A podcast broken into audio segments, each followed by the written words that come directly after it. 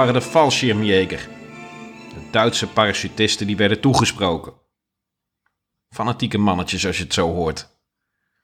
En dat zou blijken. Dit was het moment, nagespeeld in een Duitse propagandafilm uit 1942, waarop ze op het punt stonden om Nederland binnen te vallen. Waar ze voor het eerst op divisieniveau zouden gaan opereren.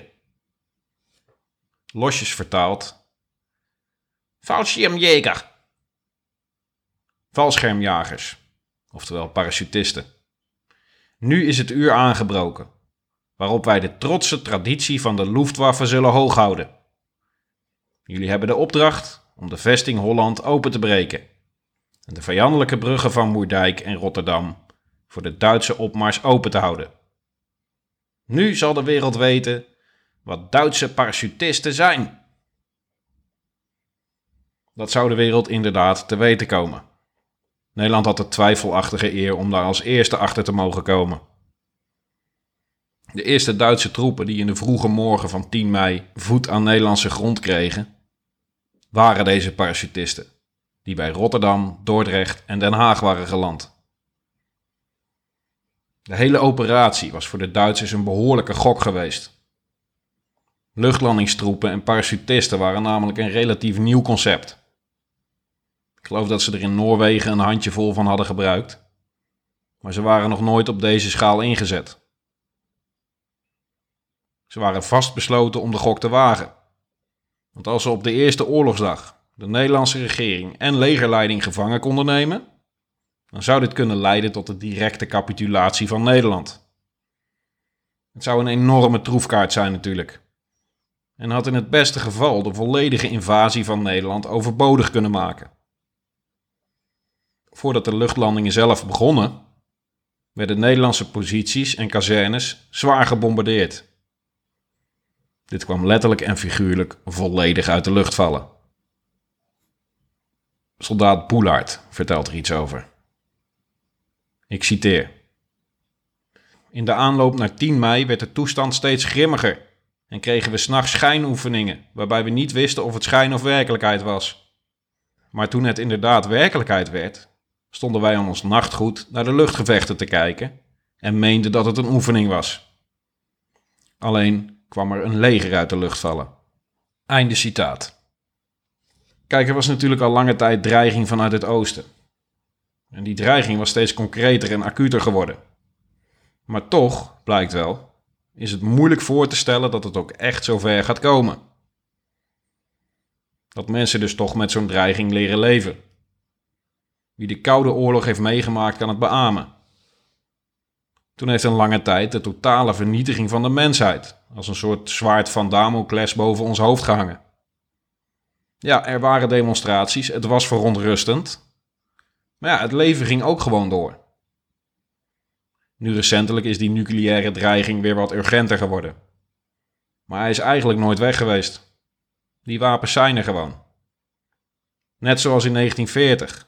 Duitsland lag daar, als een sluimerende dreiging. Maar toch is het dus een soort abstract idee, waar je als mens gewoon niet zoveel mee kan dus blijkbaar. Tot het dus gebeurt. Dan is het ineens concreet en echt. Dan komt de verbijstering, het ongeloof. Maar toch, hoe realistisch je ook naar de wereld kijkt, je verwacht het niet. Dat iemand überhaupt bereid is om militaire agressie te gebruiken om zijn doelen te bereiken. Met alle risico's die daar altijd aan verbonden zijn. Nog buiten de morele kwestie. Puur de variabelen die er bij een militaire operatie komen kijken. Daar hebben de meeste landen gewoon geen zin in. Ze denken wel twee keer na. Weet je wat het allemaal kost ook? Op 10 mei 1940 bleek dus ineens dat ze het echt gingen doen. Dat ze dus echt gek genoeg waren. En dat een relatief vreedzaam land als Nederland ineens van de ene op de andere dag, zonder oorlogsverklaring, wordt overspoeld door een enorme bak geweld die er over ze uitgestort wordt. Dat alle uitingen van neutraliteit, alle pogingen tot bemiddeling, in één klap van tafel werden gesmeten. En dat eeuwenlange diplomatieke en persoonlijke betrekkingen tussen volkeren uitgewist waren. En dat het laatste beetje reputatieschade voor de Duitsers nu ook was geleden. Het blijft ongelooflijk. Laten we daar ook af en toe bij stil blijven staan. En hoewel landje pik toen de tijd nog wel iets gebruikelijker was, was het ook toen gewoon niet normaal. De Nederlanders waren dus min of meer paraat, niet in de hoogste staat van paraatheid. Maar alle verloven waren ingetrokken. Ze wisten wel dat er iets op handen was. Maar ze werden dus toch verrast door de plotselinge, hevige bombardementen vanuit de lucht. Van de onwerkelijke situatie en de al even onwerkelijke reactie daarop is een aardige anekdote. Agent Apperlo schreef in zijn memoires, ik citeer. Als ik in de nacht van 9 op 10 mei op wacht zit, schrik ik plotseling op van vliegtuiggeronk in de verte. Elke nacht wordt er op het politiebureau gewaakt, want er is oorlogsdreiging vanuit Duitsland en dat kan niet worden genegeerd. Ik maak me ongerust, want dit is geen gewoon verschijnsel. Ik ga naar buiten en kijk of ik iets waarnemen kan. Ik merk al gauw dat er zich op verre afstand aan de dan al heldere hemel luchtgevechten afspelen. Inwoners worden wakker van het lawaai. Sommigen kleden zich aan, anderen gaan ongekleed naar buiten. Om maar zoveel mogelijk te zien, beklimmen ze ook de daken. Het is een nieuwtje. We weten niet wat de oorlog is. Het luchtgevecht verloopt voor het publiek spannend. Vliegtuigen worden getroffen, raken in brand en storten neer. Onder meer op het strand bij Ter Heide. We zien de bemanning van de vliegtuigen met een parachute een veilig heenkomen zoeken. Er wordt op hen geschoten, tot grote verontwaardiging van het publiek. De nabijgelegerde militairen komen alle naar buiten en lopen rond. Officieren staan tussen de burgers rustig naar de lucht te kijken. Een paar jongens die de toestand blijkbaar erg vermakelijk vinden, maan ik tot kalmte. Omdat ik me realiseer dat waar we naar staan te kijken wel mensenlevens kost. Ineens trekken er grote, zware transportvliegtuigen over het dorp. Ik zie dat er parachutisten uitspringen, maar niemand komt in actie. De militairen blijven staan kijken, zonder zich gereed te maken. Ik maak me er ongerust over. Ik vraag aan een van de officieren of de manschappen zich niet klaar moeten maken. We zitten immers midden in de oorlog. Ik heb nog geen opdracht, is tot mijn verbijstering het laconieke antwoord. Maar na een tijdje komt daar blijkbaar toch verandering in en moeten de soldaten zich verzamelen. Even later vertrekken ze naar een punt rond het vliegveld om Duitse parachutisten op te vangen. Al gauw dringen geruchten tot het dorp door dat er gevallenen zijn. Het gaat niet alleen om soldaten, maar ook om burgers die worden neergemaaid. Einde citaat. Ja, dus toen was het ineens allemaal wel serieus geworden en de plotselinge bombardementen hadden behoorlijke schade aangericht, op meerdere plaatsen. Alle militaire doelen die bij de Duitsers bekend waren, kregen de volle laag. Zoals de Alexanderkazerne, die had een voltreffer ontvangen. Midden op de barakken vol slapende militairen. 60 doden in één klap. Dit had de verdedigers aardig opgeschikt. Veel Nederlanders wisten dus niet eens dat we officieel in oorlog waren. De parachutisten hadden het verrassingselement aan hun zijde. Ze landden tussen de verdedigers in en konden verwarring zaaien, door Nederlandse stellingen in de rug aan te vallen. Ze begonnen nu razendsnel allerlei gebouwen te bezetten, tactische punten in te nemen en niets vermoedende burgers lastig te vallen. Toch werd er hier ook direct al behoorlijk weerstand geboden. Duitse troepen die op de vliegvelden moesten landen, werden in de lucht en op de landingsbanen zwaar onder vuur genomen. Vooral door geweer en machinegeweervuur, want veel luchtdoelartillerie was er op dat moment niet aanwezig. Soldaat Hermelaar vertelt hoe het eraan toe ging op de grond, bij de eerste aanvallen op de vliegvelden. Hij moest een van die vliegvelden verdedigen. Dit zei hij erover. Ik citeer. We werden bestookt door Duitse vliegtuigen. We hadden een paar lichte mitrailleurs. Sergeant Gredanus had het commando. Hij gaf het bevel: mitrailleur op luchtdoelen. Na misschien 15 minuten op luchtdoelen geschoten te hebben, kregen wij de orders tot het nemen van stelling. De stelling die ik bij elkaar kon slepen was twee steenblokken van circa 40 centimeter vierkant. Ik ging daar met mijn mitrailleur achter. Nu was het wachten op het landen van de vliegtuigen. En daar kwamen ze. Grote, grove toestellen. Die wij met onze lichte wapens moesten bestoken. De eerste trommel vuurde goed. Maar de tweede trommel kreeg haperingen. Er bleef een patroon vast in de kamer zitten. Met de patronentang haalde ik hem eruit en probeerde het opnieuw. Dit gebeurde zo viermaal. Toen hadden de Duitsers ons in de gaten en kregen we de volle lading. Het kostte mijn helper het leven. Ik duwde mijn mitrailleur over de stenen heen en dook achter de blokken weg. Kuster, die acht meter achter me lag, was nog flink aan het sputteren en schoot over me heen. Totdat hij door warm lopen het vuren ook moest staken. Einde citaat. Het Duitse plan was om luchtlandingstroepen van binnenuit en parachutisten van buitenaf, op twee fronten dus, de vliegvelden aan te laten vallen maar door het hevige Nederlandse vuur waren de luchtlandingstroepen niet in staat om zich te groeperen. Het idee om de vliegvelden op deze manier te infiltreren liep grotendeels vast. Op vliegveld Ipenburg werden sommige toestellen zo volledig doorzeefd dat geen enkele Duitse aanvaller het overleefde. De parachutisten die om de vliegvelden heen waren geland, beseften dat met beperkte steun van binnenuit en het hardnekkige verzet van de Nederlanders het innemen van de vliegvelden een moeilijke klus zou gaan worden. Dus gingen ze het anders aanpakken. Ze gingen toen over op een actie die de Duitsers zou kenmerken tijdens de oorlog, namelijk het schenden van het oorlogsrecht. En waarvan later zou blijken dat wij er in de meidagen slechts een klein proefmonster van kregen. Een sample, een snuffelstage. Een klein voorproefje van wat ze later in de oorlog, met name aan het oostfront, niet alleen over zouden doen, maar zouden overtreffen. Die een ieders stoutste dromen nog zouden overtreffen, moet ik zeggen. Qua schaal, qua absurde aantallen. Dat was pure moord, haat en sadisme. Aan de lopende band, aan de orde van de dag. Beleidsmatig. Genocide. Ja, dat was het in Nederland niet. Nog niet in ieder geval. Misschien moesten de Duitsers ook nog even warm draaien wat dat betreft. Maar in het Westen zou het daar uiteindelijk ook nooit op deze schaal van komen. Wij hadden het geluk dat ze ons als ras en als volk niet per se heel diep haten. Dus kwamen wij er in de meidagen vanaf met een handjevol incidenten.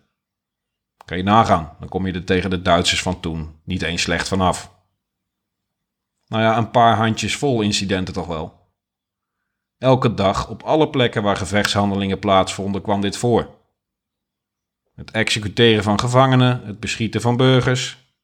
En wat ze vaak deden was krijgsgevangenen als levend schild gebruiken. Dat deden ze hier bij Den Haag dus ook, om de vliegvelden alsnog te kunnen veroveren. De verdedigers weigerden het vuur te openen op de eigen troepen. En zo vielen alle drie de vliegvelden halverwege de ochtend in Duitse handen. Het zou een vast patroon worden bij de Duitsers, zoals ik al zei. Ook tijdens de meidagen dus. Als ze niet konden winnen met vechten, dan maar met oorlogsmisdaden. Vooral de parachutisten en de SS hadden er een handje van. Kijk, parachutisten zijn vaak in de minderheid op vijandelijk terrein. Het is onhandig om dan met groepen krijgsgevangenen te moeten rondzeulen. Je kan ze ook moeilijk ergens gevangen zetten. Dit kan zijn dat het dus ook een praktische kwestie was om dit soort dingen te doen. Maar het blijft opmerkelijk hoe snel, hoe makkelijk en hoe vaak ze ertoe overgingen. Dan kan je zeggen, ach het is oorlog, die dingen gebeuren nou eenmaal. Alle legers maken zich hieraan schuldig. En dat klopt, tot een bepaalde hoogte. Maar niet zo snel, zo makkelijk en zo vaak als de Duitsers. Maar Nederland had nu ook artillerie in stelling gebracht. Zo rond 8 uur begonnen de batterijen de vliegvelden te bestoken Met succes. Een van die artilleristen was sergeant Boulaert. Ik citeer. Eerst werd de rechterbatterij ingeschoten, waarna enige minuten uitwerkingsvuur werd gegeven op de op het vliegveld staande vliegtuigen en troepen. Daarna midden- en linkerbatterij, waarna twee keer drie minuten uitwerkingsvuur met de gehele afdeling werd uitgebracht. Hierna werd om kwart voor tien gemeld dat geen gevechtswaardige vliegtuigen op het vliegveld meer aanwezig waren en dat het nu geheel ongeschikt was voor verdere landingen. Dertien vliegtuigen waren deels verbrand en deels kapotgeschoten. Veel doden op het veld. De overige zijn gevlucht naar de bossen. Dit bericht werd in de batterij met gejuich van de kanoniers ontvangen. Einde citaat. Op vliegveld Ipenburg en Valkenburg lagen de landingsbanen ook bezaaid met kapotgeschoten vliegtuigen. Daardoor konden ze er ook niet meer landen. Dus moesten ze op zoek naar alternatieve landingsplaatsen. Op weilanden bijvoorbeeld, maar vooral op het strand. De hele operatie verliep dus direct niet volgens plan voor de Duitsers. Want ook de parachutisten waren verspreid terechtgekomen. Zoals gezegd, die parachutisten waren fanatieke, goed getrainde troepen. En ze gingen voortvarend te werk als ze die mogelijkheden hadden. Ze grepen hun kansen, lieten er geen gras over groeien. Begonnen direct gebruik te maken van het terrein en verdedigende posities in te nemen, of over te gaan tot aanvallen. Qua training en specifieke inzetbaarheid waarschijnlijk het beste wat het Duitse leger had op dat moment. Misschien wel beter dan de SS. Toch konden de verdedigers ze, tot nu toe, overal tegenhouden en de pas afsnijden. In de loop van de dag werden er zelfs al offensieve tegenacties ondernomen tegen de Duitsers. Die waren uiteraard niet meteen allemaal succesvol. Sterker nog, er ging een hoop mis. Omdat de Nederlandse troepen matig georganiseerd waren en slecht bewapend en geoefend, zoals we weten. En het leidde dus ook tot chaos, dadendrang, achterdocht, paranoia, de vijfde kolonne paniek. En dus tragische misverstanden en eigen vuurincidenten. Een voorbeeld hiervan bij Ter Heide wordt beschreven door sergeant-major Meijer. Ik citeer. De luitenant Jaspers bleek met een groep manschappen het duinterrein te zijn ingetrokken. Zo voortrekkende aan het hoofd van die kleine groep ontmoette hij een andere groep militairen. Niet van onze compagnie, maar van het andere bataljon jagers. In verband met de meldingen over het landen van Duitse troepen in Hollandse uniformen of andere kleding, riep hij voor alle zekerheid de andere groep toe: Is het safe? De andere groep, geheel in de war, ook al zenuwachtig door de meldingen, opende het vuur op onze jongens. Waardoor als eerste onze luitenant dodelijk werd getroffen, terwijl de andere jongens maar nauwelijks konden ontkomen aan de kogels. Door met hard schreeuwen en veel gebaar kenbaar te maken dat het eigen troepen waren. Wel een zeer tragisch einde van zo'n zeer jong leven. We waren dan ook zeer onder de indruk. Maar het leven gaat verder. Het was nog oorlog. Het was pas de eerste morgen van de eerste oorlogsdag. We hadden met de hardheid van de oorlog kennis gemaakt en we moesten verder. Einde citaat. The fog of war heet dat. En dan gebeuren die dingen dus. Maar die chaotische toestand en die matige organisatie is niet het hele verhaal. Een hoop tekortkomingen werden gecompenseerd door goede motivatie. Want de eerste schok begon nu plaats te maken voor gevoelens van wraak, vergelding en bloeddorst. Want er werd initiatief genomen met kleine, nuttige aanvalsacties. Zo wisten ze de vijand te beletten om voortgang te boeken. En werden er zelfs al Duitse kruisgevangenen genomen. In zijn memoires schrijft agent Apperlo er het volgende over. Ik citeer. De vijand krijgt er ook flink van langs. Spoedig worden de eerste krijgsgevangenen ontwapend en opgesloten in de cellen van het politiebureau. Een van hen is ernstig gewond en heeft veel pijn. Ik vraag aan een zuster van het Rode Kruis of ik hem zal neerschieten. Maar de zuster zegt verontwaardigd: Is dat naaste liefde? Maar ik denk daar, woedend over de overval van de Duitsers, anders over. Het is blijkbaar nog niet tot haar doorgedrongen dat het oorlog is. Ze denkt alleen aan wonden helen. maar ondertussen vechten de Nederlandse militairen als leeuwen. Ze zien dat gelande parachutisten telkens een hakenkruisvlag op de grond spannen als baken voor weer andere parachutisten om te landen. Een van onze mensen heeft zo'n hakenkruisvlag bemachtigd. En ook wij wagen een kansje. De vlag wordt gespannen en al gauw duikt er een vliegtuig op af om de militairen te laten springen. Als ze tevoorschijn komen, worden ze met een ware kogelregen verwelkomd. Intussen werden op de weg fietsers en automobilisten op weg naar hun werk door Duitsers beschoten en aangehouden. Hun voertuigen worden buitgemaakt. We merken al spoedig dat het de bedoeling is de Haagweg in bezit te nemen. Ik praat met de krijgsgevangenen. Ze denken binnen 24 uur weer vrij te zijn. Want dan is de hoofdmacht gearriveerd. Het gevaar van de kant van de NSB wordt niet onderschat. Met de politiechef wordt besproken ze preventief op te sluiten.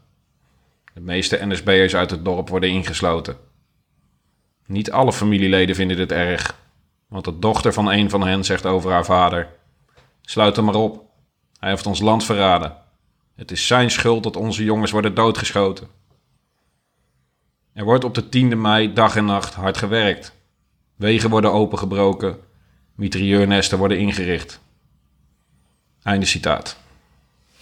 Het belemmeren van de vijandelijke opmars en het hinderen in hun pogingen om zich te kunnen groeperen was vooral belangrijk omdat Den Haag nu bedreigd werd. In een neergeschoten Jonker waren de von Sponek-papieren, de Duitse oorlogsplannen gevonden, zodat de Nederlandse legerleiding nu op de hoogte was wat de vijand van plan was. Dit kreeg nu de hoogste prioriteit. Ten koste van alles moest worden voorkomen dat Den Haag in vijandelijke handen zou vallen. In alle haast was de stad vergrendeld om te zorgen dat de koningin en de regering beschermd waren. Ook Vaandrig Oversier, destijds 19 jaar, werd erop uitgestuurd. Hij vertelde erover, ik citeer. Meteen gemeld bij de compagnie, die aangevoerd werd door reservekapitein Muller. Munitie werd uitgedeeld en we maakten ons gereed voor de opmars naar de vijand. Waar die was, wisten we niet precies, maar we trokken op richting Loosduinen. We moesten in ieder geval voorkomen dat de vijandelijke troepen konden oprukken naar het centrum van Den Haag. In die tijd waren de verbindingen heel slecht. Er was weinig coördinatie, waardoor iedereen op eigen initiatief handelde, maar er ook veel moed getoond werd. Inzicht in de sterkte van de luchtlandingstroepen hadden we niet. Einde citaat. Er werden ook van alle kanten versterkingen aangevoerd, vooral uit Rotterdam en Dordrecht. Dat zou de verdediging daar verzwakken, wat later van belang zou worden in de gevechten om die steden. Maar de Nederlandse troepensterkte rondom Den Haag was hierdoor wel aanzienlijk vergroot. Dus werden er al in de loop van de ochtend op 10 mei tegenaanvallen ondernomen om de ingenomen vliegvelden terug te veroveren. De Duitsers hadden zich ondertussen verschanst in de gebouwen op de vliegvelden. Die waren goed te verdedigen. Maar Nederlandse artillerie deed het voorwerk, de inleidende beschietingen, en schoten gebouwen in brand. Hierdoor moesten de Duitsers buiten de verdediging voortzetten, waar minder dekking was. En zo verloren ze hun sterke posities op de vliegvelden. En al die vliegtuigen die daar probeerden te landen, die werden bestoken door die artillerie. Toen zijn die moffen daar teruggeslagen.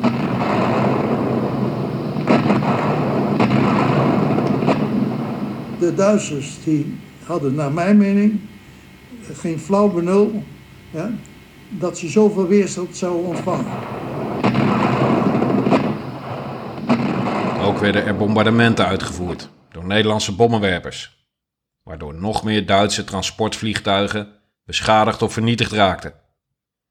Hierdoor was de aanvoer van versterkingen voorlopig onmogelijk geworden voor de Duitsers. Sergeant Hoefnagel was schutter in een van die bommenwerpers, een Fokker T5, en voerde zo'n bombardement uit. Ik citeer. Voordat we de kustlijn kruisen, is het vliegveld al in zicht. We zien circa 30 vliegtuigen op vier rijen staan, terwijl er al drie brandend neerliggen. Dat is blijkbaar het resultaat van de eieren van onze voorganger, de 855. Ik zie de waarnemer nauwkeurig op het doel richten met de hand gereed op de afwerphendel. Plotseling geeft hij er een ruk aan. Met een klap ontploffen de beugelpatronen. Ons vliegtuig veert, bevrijd van zijn last, omhoog. En daar zie ik geel geschilderde bommen al schuin onder ons wegvallen. Gevolgd door de bommen van de beide andere kisten naast ons. Op mijn buik lig ik voor het bodemluik te kijken waar ze terechtkomen. Zo van boven gezien lijkt het alsof ze helemaal verkeerd gaan. Toch plotseling zie ik op drie plaatsen tussen de Duitse vliegtuigen onze bommen met grote explosiewolken inslaan. Enkele vliegtuigen vliegen aan stukken uiteen, terwijl sommige andere toestellen beginnen te branden. Dan zie ik op het veld een Duitse machine wegrollen en starten. Mijn fanatieke mecano, zijn assistent boordschutter, heeft het echter ook al gezien en ratelt met zijn mitrailleur schuin omlaag. Ik denk dat hij de kist wel zal missen door de grote afstand. Toch heeft hij succes, want ineens duikt het vliegtuig omlaag en slaat tegen de grond te pletter. Even gaat er een rilling door me heen, maar spoedig kan ik mijn blijdschap over ons welslagen niet meer verkroppen. Ik zet mijn zender aan en sein naar mijn kameraden naast mij met huppelende seintekens: Hoera, hoera! Aan hun antwoorden is duidelijk te merken hoe blij ze zijn. Vlug kruip ik weer achter mijn machinegeweer en speur rond of er soms tegenstanders op ons loeren. Maar tot mijn verwondering worden we niet gevolgd en tegen kwart over acht vliegen we alweer boven Ruigehoek. De eskadril zwaait keurig af en landt vlug naar elkaar. Mijn toestel als laatste. Einde citaat. Het voorwerk was gedaan. De Duitsers waren hevig gebombardeerd en hun aanvoerlijnen waren geblokkeerd. Maar nu moesten de vliegvelden door Nederlandse infanterie worden teruggenomen. Met grondtroepen, die van alle kanten werden aangevoerd. Mensen hadden we, maar wapens homaar. Er was een groot gebrek aan wapens en munitie. Sergeant-Major Meijer, ik citeer. Er is heel wat gebeld over de munitievoorziening. Niemand op het hoofdkwartier wist hoe we eraan moesten komen. We moesten maar zien hoe we het kregen, ergens in de omgeving. Einde citaat. Dus werden op de vijand buitgemaakte wapens en munitie gretig in gebruik genomen. En dit gebrek was trouwens overal in de meidagen een groot probleem voor de Nederlandse strijdkrachten. De dus gedeeltelijk met Duitse wapens uitgeruste Nederlanders begonnen zich nu op te maken om de vliegvelden te bestormen. Een burger, de heer Plasman, was toen een jonge jongen zich niet bewust van het gevaar. Hij zou de ontwikkelingen van korte afstand gaan meemaken. En de aanloop. Luister maar. Ik citeer. Om negen uur ochtends liep ik op straat. Er kwam een Nederlandse patrouille aan. Dat vergeet ik nooit. Het ging om een sergeant met een man of tien. Hé joh, weet jij waar het vliegveld is? vroeg hij me. Heeft u geen kaart? was mijn wedervraag. Die bleek hij wel te hebben, maar die was zo slecht die kaart ging maar tot het einde van de laan. Op een kilometer voor het vliegveld hield hij op. Ik vroeg of ik mee moest lopen, om het aan te wijzen. Ja, graag, was het antwoord. Ik ben toen meegegaan, die kant op. We hebben er ongeveer een uur over gedaan. De patrouille had wat geweren bij zich, maar de gevechtsuitrusting stelde niet veel voor. We naderen het vliegveld. Daar werd veel geschoten en ik moet zeggen, die kerel was erg flink. Zelf ben ik in een greppel gaan liggen. Ik was bang. De Duitsers schoten terug. Na ongeveer een uur had de sergeant wel in de gaten dat het vliegveld niet te heroveren was. Kom, we gaan terug, was het commando. En ik liep weer met het groepje mee naar het park, een kilometer van het vliegveld. Inmiddels waren daar ook andere troepen gearriveerd. Het bleek dat die de tegenaanval moesten inzetten. De sergeant van de patrouille, die inmiddels immers de weg wist, ging als een soort verkenner voorop. Ik liep opnieuw onopvallend mee. Tegen één uur s middags werd de tegenaanval ondernomen. Ik ben aan de rand blijven liggen, terwijl zij het gevecht aangingen. Einde citaat. Over het open veld, zonder enige dekking, moesten de aanvallen worden uitgevoerd. Een bittere strijd was het gevolg. Beide kanten leden zware verliezen.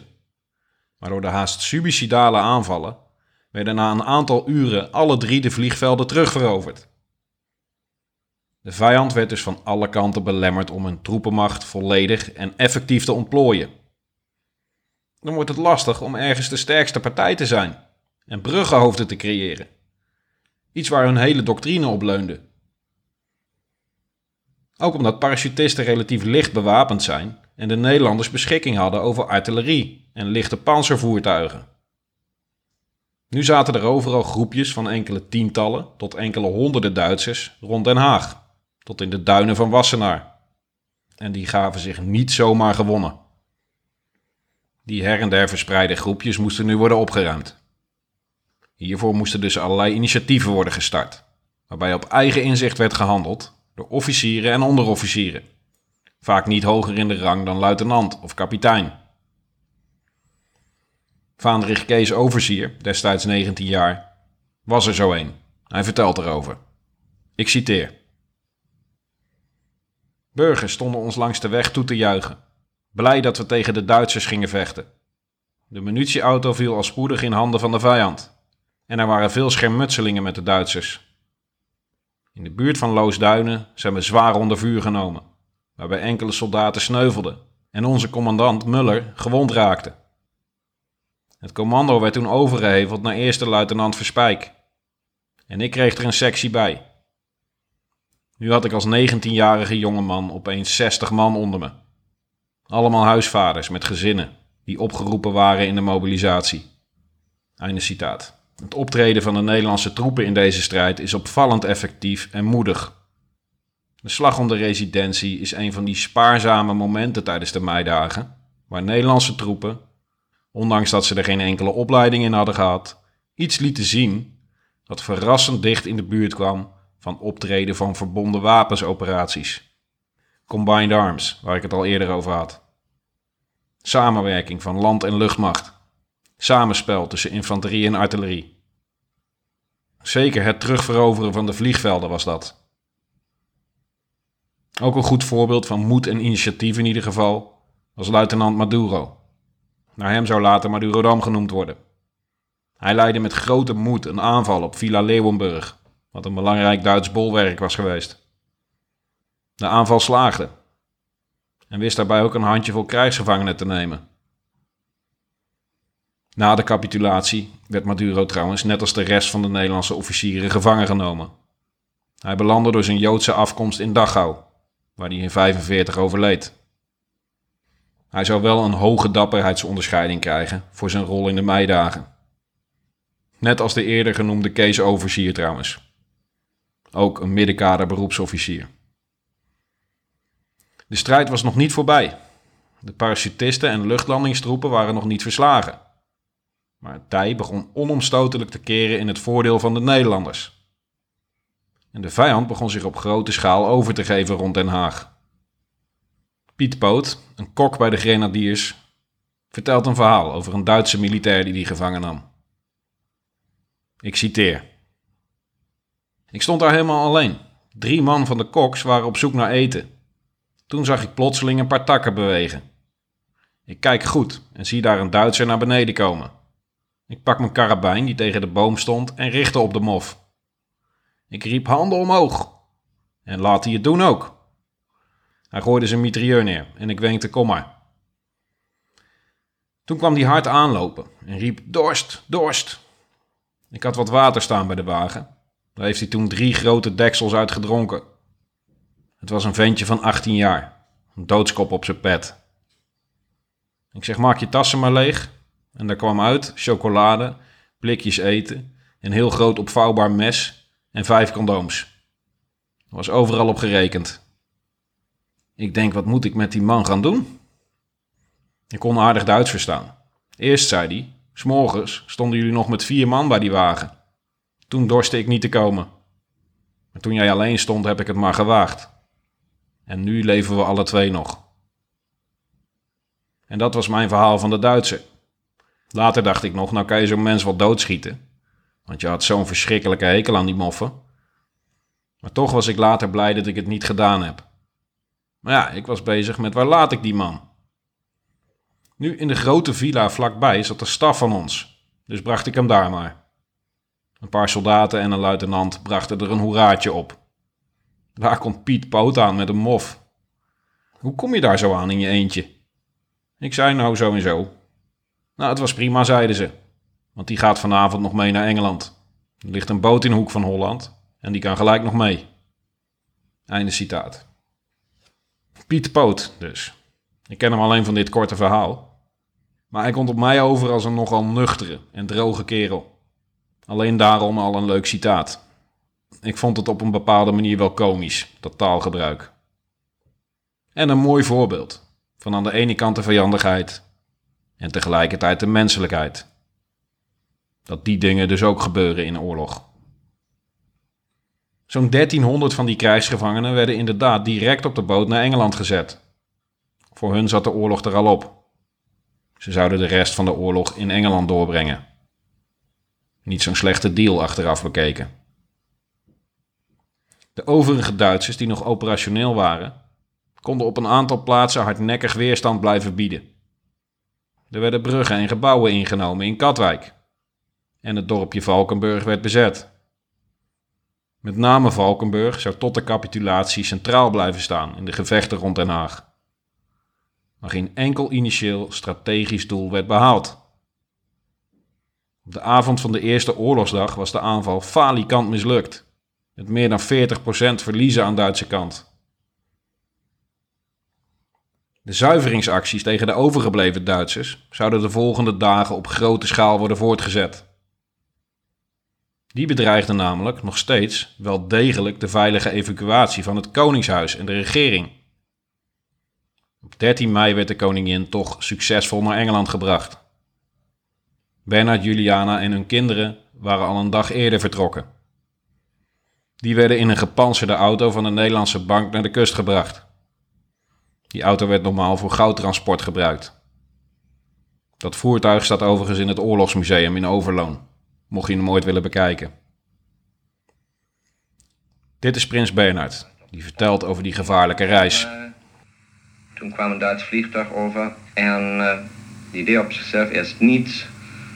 Die zag kennelijk uh, de, niet zozeer de pont aan de Engelse jager, de destroyer die in de haven lag waarop wij later zouden gaan. En toen begonnen de mariniers die mee waren, die begonnen vanaf de pont te vuren. Ik herinner me, dat is de enige keer geweest in deze oorlog dat ik zeg niet vuren. Want als die pont, als men daar een bom op had gegooid, dan was de, die auto uh, met mijn vrouw en de kinderen daarin onherroepelijk vergaan. En dat was een bepaald iets wat we niet moesten hebben. Volgende dag kwamen we dus in Engeland aan. Ik zelf had alleen maar een schoon hemd meegenomen voor de lunch. Koningin Wilhelmina wilde helemaal niet weg. Ze was er zelf op tegen. En wist dat dit slecht voor de moraal van het volk en het leger zou zijn. Het leidde inderdaad in eerste instantie tot onbegrip. Het volk voelde zich in de steek gelaten. Het leek alsof de strijd al verloren was. Dat was het signaal wat ervan uitging. Het was echter op last van de krijgsmacht geweest. Generaal Winkelman had er op 13 mei verteld dat hij haar veiligheid niet meer kon garanderen.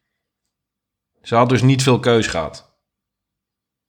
Wilhelmina schreef in haar autobiografie over het vertrek: Ik stelde mij voor dat het mij gegeven zou zijn, althans enige tijd op mijn post in Den Haag te blijven. En mocht het ergste komen, met het Nederlandse leger zuidwaarts te trekken, zoals koning Albert destijds gedaan had. Ik wist dat Bernard onverwijld zou terugkeren en op zijn plaats de strijd met mij zou voortzetten. Hoe anders is het mij vergaan. Ze toonde zich altijd als een strijdlustige koningin, ook in het verloop van de oorlog toen ze in Londen zat. Volgens de marechaussees die haar evacueerden, weigerde ze in eerste instantie om te gaan. Ze wilde naar de Grebbeberg om daar tot de laatste man te strijden. Uiteindelijk hebben ze er weten te overtuigen. Gedood of gevangen genomen worden zou nog veel ernstiger zijn. Het zou nog een grotere klap voor de moraal zijn en zou het voortzetten van de oorlog helemaal onmogelijk maken. Daarom is de beslissing om te vertrekken wel een verstandige geweest, denk ik. De situatie zou namelijk in de loop van de meidagen steeds onhoudbaarder worden in ons land. En het risico dat de vorstin in vijandelijke handen zou vallen, was te groot. Wilhelmina wilde vanuit Londen de strijd tegen de Duitsers voortzetten. In haar proclamatie op 14 mei richtte ze zich op het volk en zei onder andere het volgende. Maar Nederland zal zijn gehele grondgebied eenmaal met Gods hulp herwinnen. Doet allen wat u mogelijk is in lands welbegrepen belang. Leven het vaderland. Ze zou tijdens de bezetting ook een symbool van verzet worden, door de toespraken op Radio Oranje en haar nauwe contact met de Engelandvaarders. Ze heeft zich op die manier ook zeer verdienstelijk gemaakt. Meer nog dan als ze was gebleven, denk ik. Maar goed, terug naar de situatie rond Den Haag. De zuiveringsacties gingen inmiddels onverminderd door. Kees Oversier was ook hier weer bij betrokken. Ik citeer. De volgende dag kregen de grenadiers de opdracht om in samenwerking met de jagers het hele bosrijke gebied rond Den Haag te zuiveren. Ik heb parachutisten dood in de bomen zien hangen. Ook troffen we een aantal motorfietsers aan, van die DKW'tjes. Daar heb ik zelf nog op gereden. De Duitsers hadden van alles bij zich. Ik hoorde dat ze in een van de vliegtuigen zelfs een wit paard bij zich hadden, om hun triomfantelijke intocht kracht bij te zetten.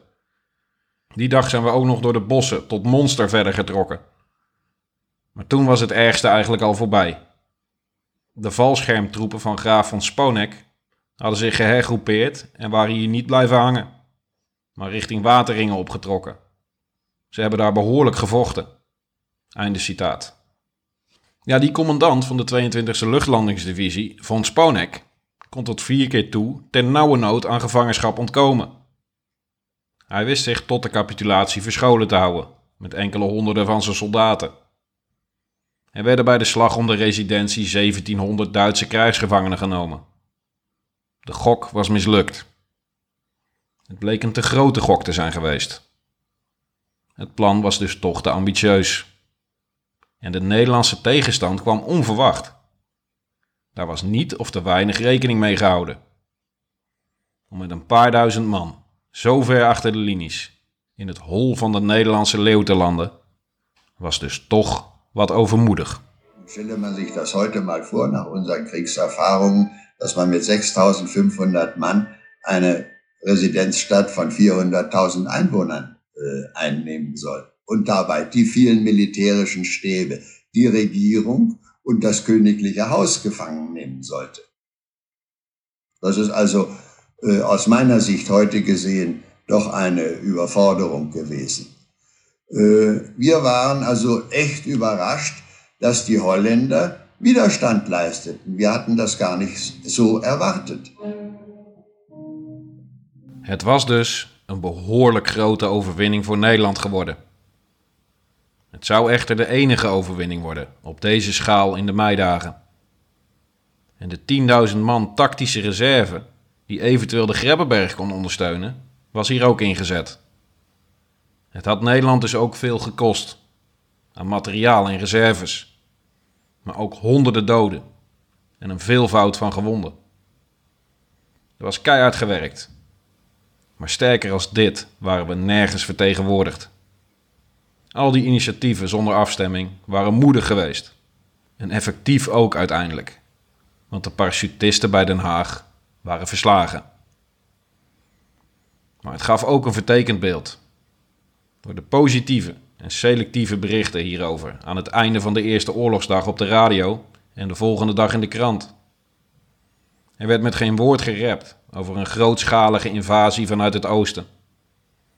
Er waren duizend parachutisten gedood en we hadden minstens 70 vliegtuigen neergehaald.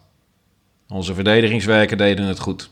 Alles verloopt volgens plan geen vuiltje aan de lucht. Het gaf de burger moed. En niet alleen de burger. De soldaten die de vliegvelden hadden terugveroverd waren heel even euforisch. Hadden zij die moffen even keihard aangepakt daar. Even leek het alsof die gevreesde Duitsers gewoon verslaanbaar waren. Des te schokkender waren de gebeurtenissen die zouden gaan volgen. Het Algemeen Hoofdkwartier deelde ons hedenochtend om kwart over vijf het volgende mede. Van drie uur af hebben Duitse troepen de grens overschreden Vliegaanvallen zijn geprobeerd op enkele vliegvelden. Weermacht en afweer zijn paraat bevonden. Inundaties voltrekken zich volgens plan. Voor zover bekend zijn ten minste zes Duitse vliegtuigen neergehaald.